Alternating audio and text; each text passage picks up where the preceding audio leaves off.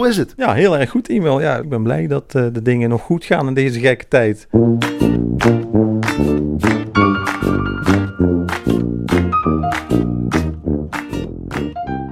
Oorspronkelijk kom je uit het Belgisch-Limburgse Kannen, onder de rook van Maastricht, zal ik maar zeggen. En daarbuiten en in de wereld misschien uh, zelfs wel geen onbekende saxofonist. Maar nu hier in je eigen reparatieatelier Safe Sax in het Brabantse Bokstoel. Omschrijf even wat jij ziet vanuit jouw werkplek, Daniel Dame. Ja, ik zie natuurlijk heel veel mooie saxofoons hier en heel veel gereedschap en een mooie etalage. En uh, ik kijk ook zo uit op mijn tuin, waar ik ook heel blij mee ben. Groot raam inderdaad, waar licht in komt. Ja, ja, ja het is hier fijn open en, en uh, mensen voelen zich ook altijd heel welkom, heel prettig. Want het kan me wel eens voorstellen dat mensen het moeilijk vinden om zomaar bij iemand in huis, want het is natuurlijk een werkplaats in huis, om dan binnen te lopen.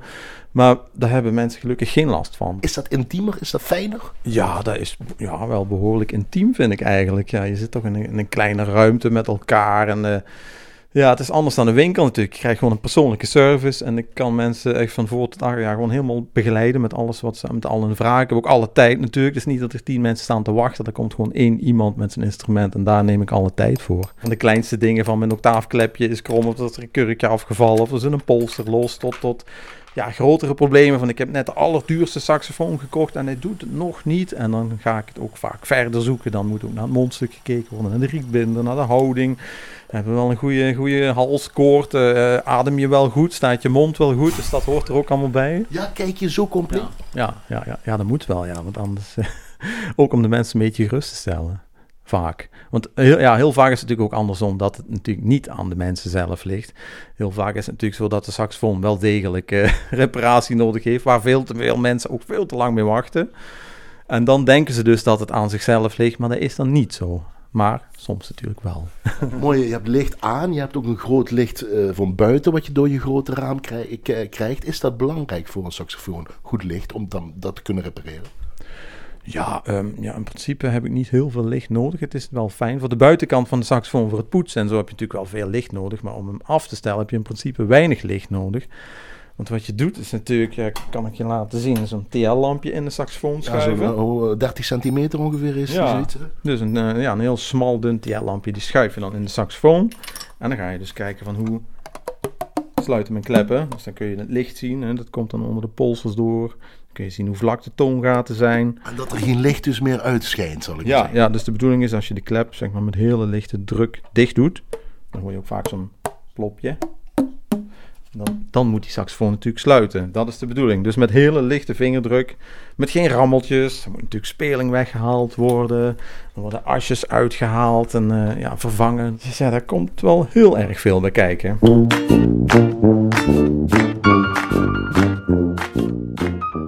Hoe ben je tot dit vak gekomen? Ik heb ooit geleerd van meubelmaker. En uh, daar is het eigenlijk helemaal misgegaan. en uh, eigenlijk kreeg ik toen op de muziekschool al de aanbieding om... Of tenminste, de uh, toen hoorde ik via mijn leraar dat ze iemand zochten bij Adams. Eigenlijk direct beginnen te werken de dag dat ik klaar was met, met school. Ben gewoon een dag later kon ik beginnen bij een, een, een toren, nog in de kleine winkel. En uh, ja, heb ik daar een opleiding gekregen. Dat vond ik super fijn. Want het was natuurlijk ook een ambacht. Net zoals muziek maken een ambacht is. Het, het, het, het, houtsnijwerk, het meubelmaken was ook een ambacht. Dit is ook echt wel een ambacht. Het is natuurlijk prachtig om te doen. Ik heb toen vier jaar bij Adams gewerkt. Volop. En uh, toen ben ik pas naar het conservatorium gegaan. Heb me daar helemaal opgestort. En helemaal veel voor rondgetoerd met bandjes over de hele wereld. En toen dacht ik van ja, misschien tijd om weer een, uh, wat meer thuis te zijn, een gezinnetje te stichten. En dan dat repareren weer terug op te pakken, waar ik tussendoor wel wat mee bezig was. Wat ik altijd veel heb gedaan, is natuurlijk veel geëxperimenteerd. En daar komt het natuurlijk ook uit voort. Dat is zo eindeloos, ook een saxofoon, die is zo uitgebreid, zo ingewikkeld, zo veelzijdig. Je kunt daar zoveel mee, dus je kunt daar eindeloos dingetjes aan blijven aanpassen, dat, dat die helemaal naar je hand staat. Enorm vooruitstrevend eigenlijk, want ook het eerste design van Adolf Sax is, is nog altijd niet veranderd. Gewoon, het is nog identiek hetzelfde. Het enige wat veranderd is het uiterlijk van de saxofoon. Er zijn heel veel kleppen bijgekomen, dus allemaal groter geworden. Uh, allemaal allemaal uh, moderne snufjes erop met de buis, de boring, toongaten, de afstanden van de toongaten, de relatie tot elkaar. Dat is nog allemaal hetzelfde. Hij heeft toen al straks meteen ja. spot on ja. gewoon begrepen, dit is een goed instrument. Ja. Een nieuw instrument. Ja, hij is begonnen met, met een klarinet en dat is uiteindelijk een saxofoon geworden. Bizar hè?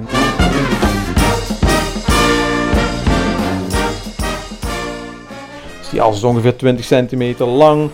En die zijn dus heel vaak krom, zoals je kunt zien. Dus iemand heeft dan iets te hard de saxofoon iets te hard geknepen of in het koffer een tik gekregen of gewoon slecht gemaakt.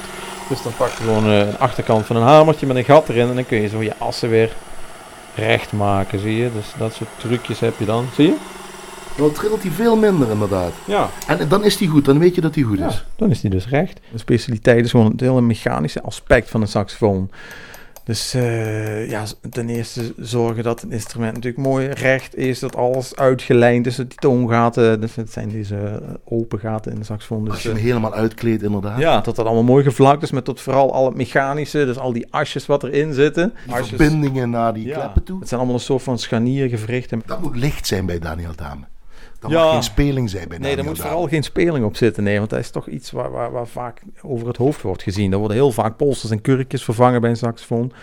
Maar al dat mechanische werk wordt een beetje zo genomen van ja, we doen er maar een dikke klodder vet aan en dan is het wel, is het wel goed voor een jaar. Maar hoe moet het dan wel volgens jou? Ja, onder andere met al die hele fijne materialen wat ik dus heb. Synthetisch vel, synthetische kurk, uh, teflon dingetje, materialen, foam. Dus allerlei soorten materiaal waar ik mee experimenteer. Om straks voor natuurlijk zo stabiel mogelijk te maken. Want dat is dus hetgene wat je wilt bereiken, dat die stabiel is. En vooral ook heel lang meegaat.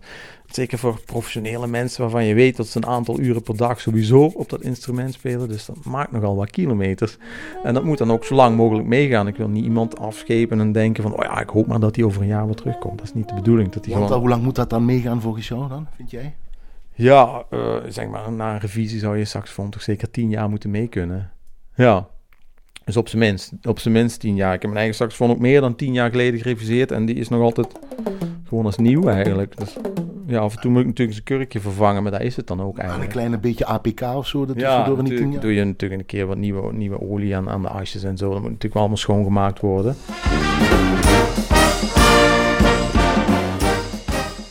De Selma Mark 6 die is al gemaakt. Beter is er niet, ofwel. Uh, dat is de Stradivarius onder de saxofoons. Ja. Ik begin al te lachen. Ja, goed dat je dat vraagt. Ja, grappig. Ja, dat is zo'n eeuwige discussie altijd. De Selma Mark 6. Ja, en wie, wie heeft hem niet in de kelder liggen, zeg maar. Ja, maar in de kelder. Ja, ja, de meeste van Vares hebben er nog wel in de kelder. Die willen hem niet hebben, omdat het zo'n oud ding is. Dat knettervals is en rammelt langs alle kanten.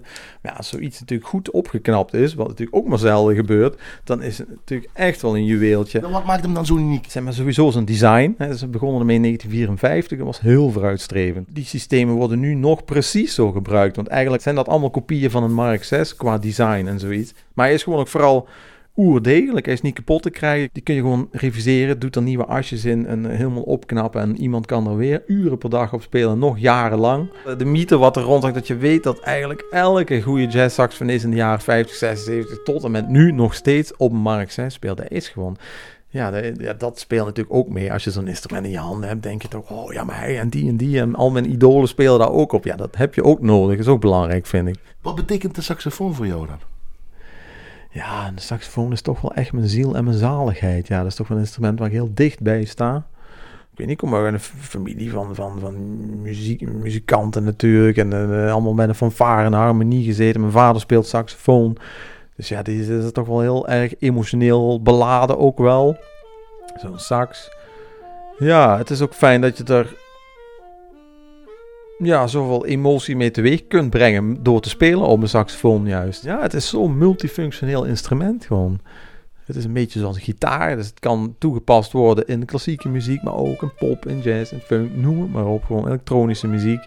Dus je kunt het overal tussen passen. Dus het maakt overal wel iets bij iemand los. Waarom zal je dit vak blijven uitoefenen? Oh, het past ook heel erg bij mij, denk ik. Ik ben ook gewoon rustig en ik kan ook gewoon lekker rustig aan een tafeltje blijven zitten. En als ik op een podium sta, dan kan ik ook wel een hoop kabaal maken. Maar over het algemeen ben ik gewoon rustig. En dat repareren is ook gewoon lekker rustig. Gewoon. En uh, ja, gewoon lekker stil. Ja, het past gewoon bij me.